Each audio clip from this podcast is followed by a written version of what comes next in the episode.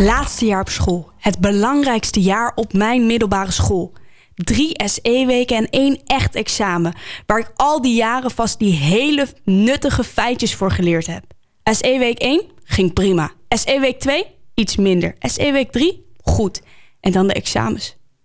Wachten op de uitslag. Een traumatische, eindeloze, zware dag. Waarop mijn hart klopte in mijn keel. En waarop ik de ene minuut stilstond bij het idee dat ik misschien voor altijd, forever, for always weg ben van die school. En het andere moment stilstond bij het idee dat ik er volgend jaar weer zat in die stoelen waar de onderkant beplakt was met kauwgom. En die warm aanvoelde van de vorige reet.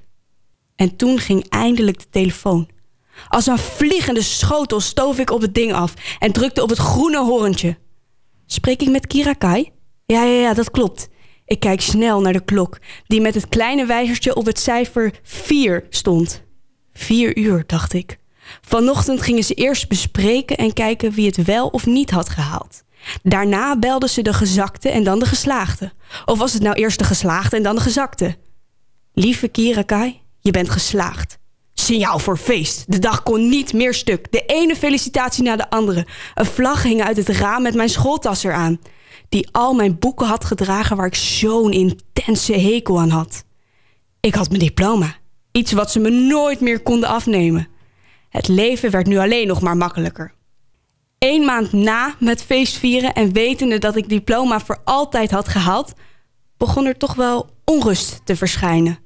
Ik moest gaan studeren met nieuwe mensen, nieuwe vakken en oh ja, met een geldsom genaamd de studiefinanciering. En dan moest ik er een aanvragen. Kijkend naar het scherm van mijn computer begon ik langzaam in de war te raken. Als ik HBO ga studeren, heb ik dan geen recht op de basisbeurs. Maar als ik als havist MBO ga studeren, dan wel. Stel, ik ga twee studies naast elkaar studeren of ik ga mijn propedeuse halen en dan vervolgens naar WO.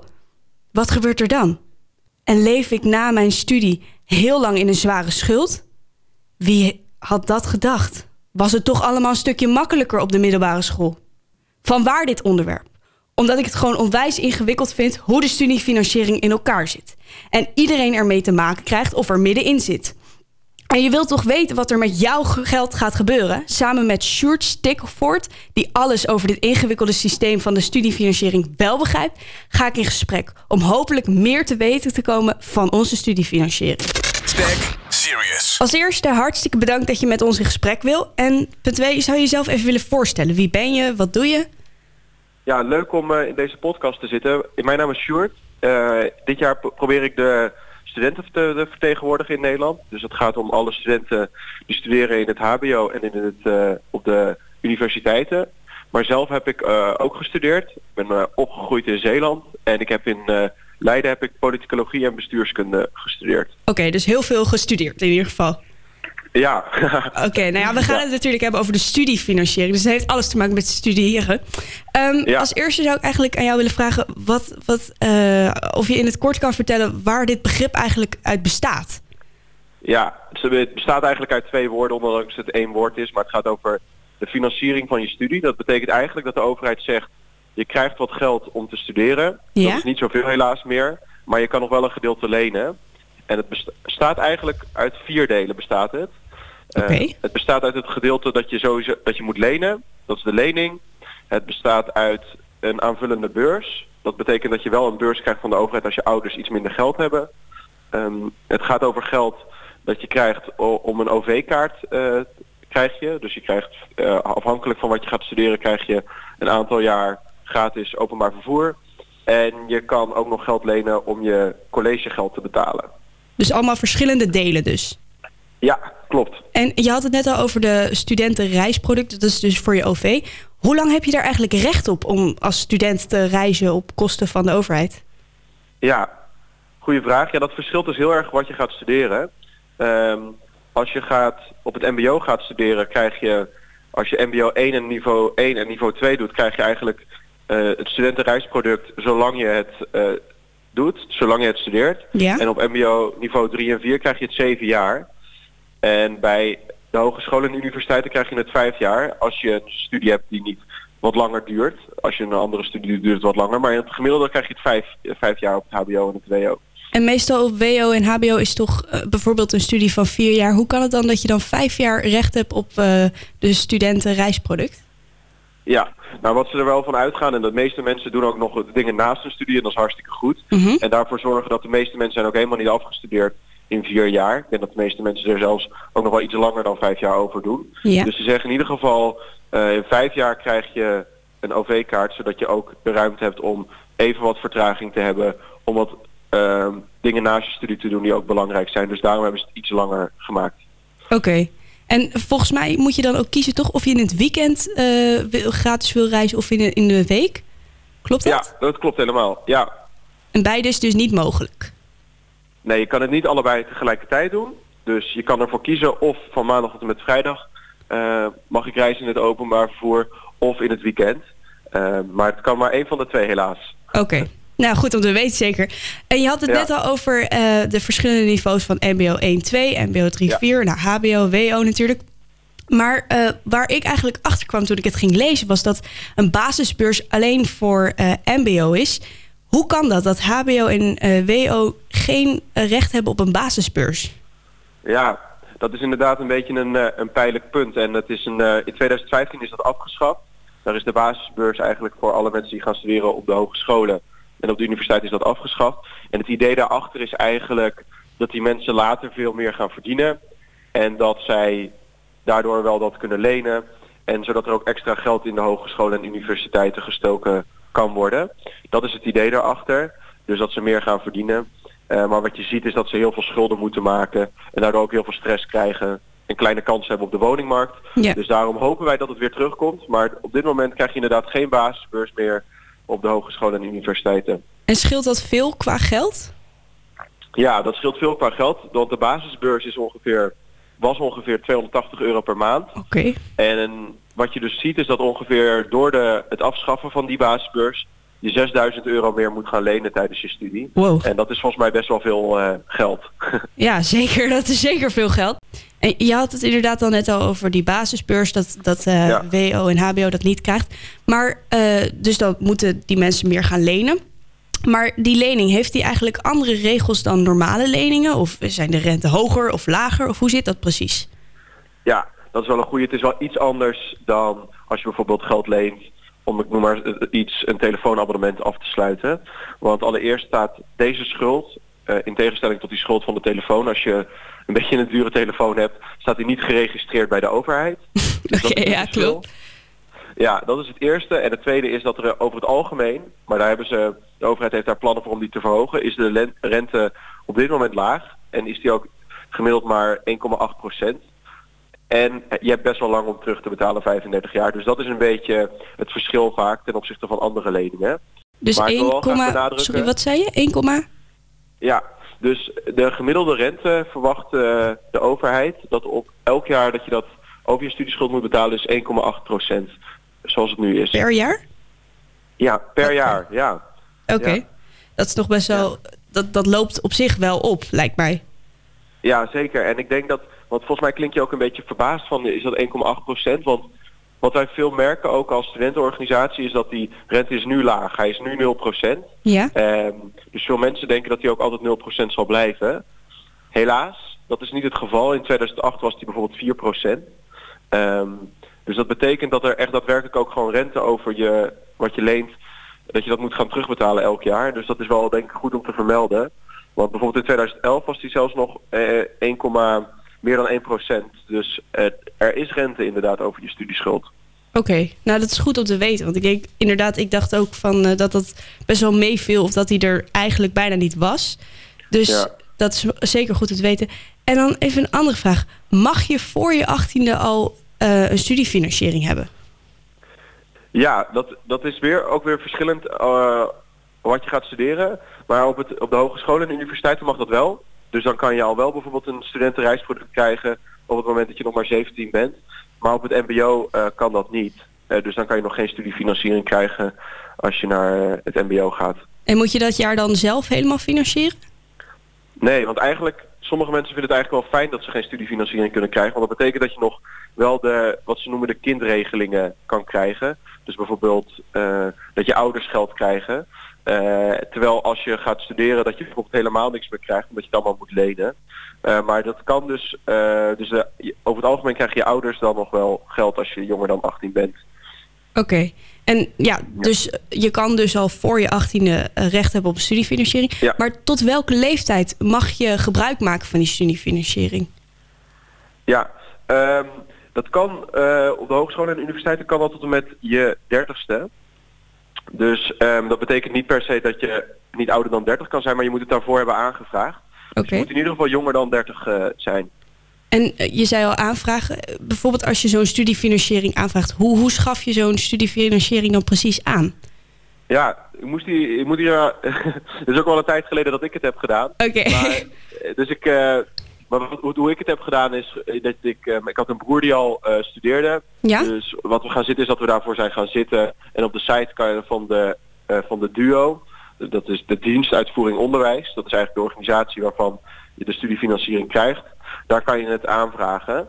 En je OV-studentenkaart moet je ook nog volgens mij bij een laadpaal op het station moet je ook nog activeren. En dat is eigenlijk het enige wat je hoeft te doen. En weet Ja. jij misschien eh, als personen daar eh, moeite mee hebben, waar ze dan heen kunnen, terecht kunnen met hun vragen over de studiefinanciering? Ja, nou allereerst kunnen ze bij terecht bij de eh, klantenservice ook van de dienstuitvoering onderwijs. Ja? En op de website staat het uitgelegd waar het uit bestaat en hoe je dat kan aanvragen. Maar kom je er nou niet uit, zou ik ook vooral willen oproepen, neem contact op ons, met onze organisatie, dus het Interstedelijk Studentenoverleg. Want wij eh, zijn er voor en door studenten, dus wij kunnen ook mensen helpen bij eventueel problemen bij het inschrijven.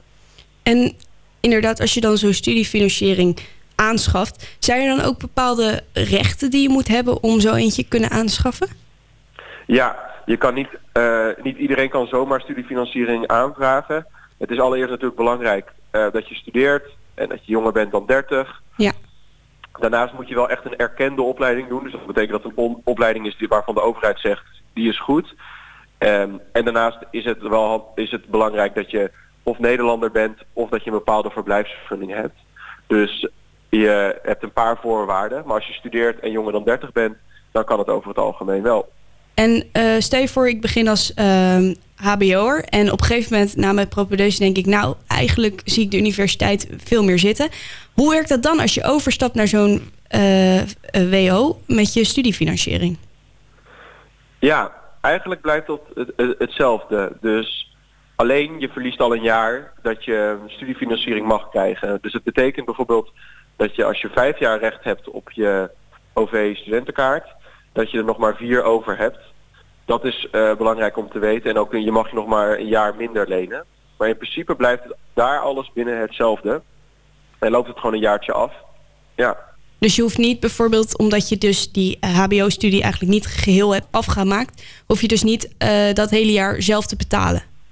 Nee, nee dat, eh, dat is niet het geval. Dus dit, daar, daar hoef je je geen zorgen over te maken. Oké, nou dat is zeker goed om te weten. En je had het net weer even over de studentenreisproduct. Stel je voor, ik wil dat eh, die, die eh, OV-kaart niet. Ben ik dan verplicht om dat aan te schaffen? Of hoeft dat niet per se? Nee.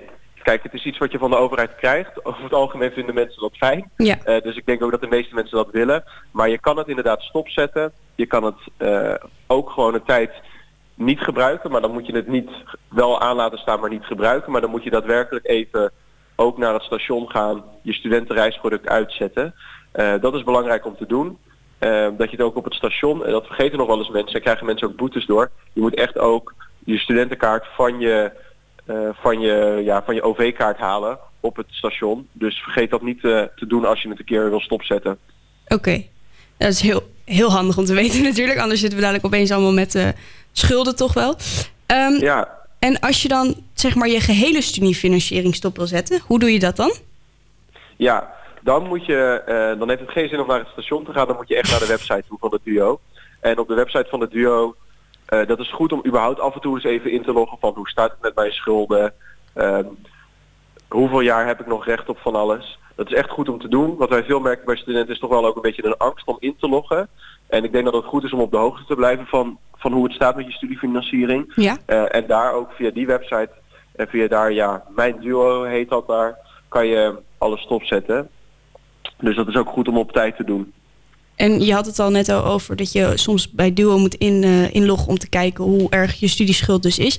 Maar hoe lang heb je eigenlijk de tijd om deze terug te betalen? Ja, nou, dat hangt er een beetje vanaf. Ik neem aan dat de meeste luisteraars ehm, in de afgelopen drie jaar zijn gaan studeren of nog gaan studeren. Ja. Maar als je voor 2015 al bent gaan studeren, dan heb je maar 15 jaar om terug te betalen. Dat zijn de oude regels. Ja. En de nieuwe regels is dat je 35 jaar mag terugbetalen. Oké. En dat dat niet meer is dan 4% van, van je inkomen per, per maand. Ehm, dus 35 jaar. Maar waar ik wel bij wil zeggen, dat betekent ook dat je 35 jaar rente over je studieschuld betaalt. Oké. En stel het lukt je niet om deze, deze schulden af te lossen? Ja, nou, dan wordt het kwijtgescholden. Dus op het moment dat je bijvoorbeeld een heel laag inkomen hebt, je hoeft nooit meer dan 4% van je inkomen boven het wettelijk minimumloon af te lossen in je studieschuld. En dat is natuurlijk het verhaal wat de overheid ook zegt. Maar tegelijkertijd zien we dat omdat je 35 jaar hebt om terug te betalen, dat het bijna iedereen lukt, eh, meer dan 85%, om alles terug te betalen. En je moet ook alles terugbetalen, want het is een lening. Uh, maar stel dat je hele lange tijd bijvoorbeeld werkloos raakt, dan is het niet zo dat je dan alsnog dat geld hoeft terug te betalen. Maar je, moet je ook je uh, aanvullende beurs terugbetalen? Uh, mm, dat hangt, ja, dan moet, dat, die hoef je niet terug te betalen als je binnen 10 jaar afstudeert. Oké. Okay. dus bijvoorbeeld ik ben afgelopen jaar afgestudeerd en ik kreeg dit jaar kreeg ik van de overheid een bericht zoveel euro, en dat was echt een flink bedrag, hoef je niet terug te betalen. En dat kwam dus door die aanvullende beurs? Ja, maar ook omdat ik nog het geluk heb gehad dat ik een basisbeurs kreeg. Waarvan wij hopen dat het volgende kabinet dat weer gaat introduceren. Maar ik heb ook nog elke maand, heb ik in de eerste drie jaar gewoon een basisbeurs gekregen. En omdat ik mijn studie heb gehaald, hoef ik die niet meer terug te betalen. Oké, en dan even een hele andere vraag. Jullie zijn samen met 27 andere organisaties... hebben jullie een brandbrief gestuurd naar de Eerste Kamer... Uh, die in connectie stond met de studiefinanciering. Waar waren jullie het precies niet mee eens? Ja, dat klopt. Uh, dat hebben wij inderdaad gedaan. Zoals ik al een paar keer tijdens dit interview heb aangehaald... is dat er ook echt een rente over de studieschuld moet worden betaald. Dat is Ja. iets wat veel mensen vergeten. En je betaalde nu al rente... Maar wat de overheid zegt is eigenlijk dat we die rente nog hoger willen maken. Dus wat zij willen gaan doen voor nieuwe studenten vanaf 2020, dus de, eigenlijk de luisteraars die volgend jaar in het najaar gaan studeren, die krijgen dan te maken met een hogere rente. En wat wij hebben gedaan is met 27 or- organisaties gezegd, dit moet niet gebeuren. En het ligt nu bij de Eerste Kamer, dus de politiek kan er nu nog besluit over nemen om het niet te doen. En wij roepen op dat de politiek dit plan niet moet laten doorgaan. Oké, ja, ik eh, ben het helemaal met jullie eens. Dat in ieder geval zeker weten. Ehm, Heel goed. ja, ik hoop de luisteraars ook. Ehm, ik wil je eigenlijk ontzettend bedanken. Ik vond het een heel leerzaam gesprek. En ik hoop dat de luisteraar zeker nu meer weet van de studiefinanciering. En ja, dankjewel. Graag gedaan. Leuk om te doen. Dankjewel. Dit was Kira Kai op Stack Serious. Tot de volgende keer. Stack Serious.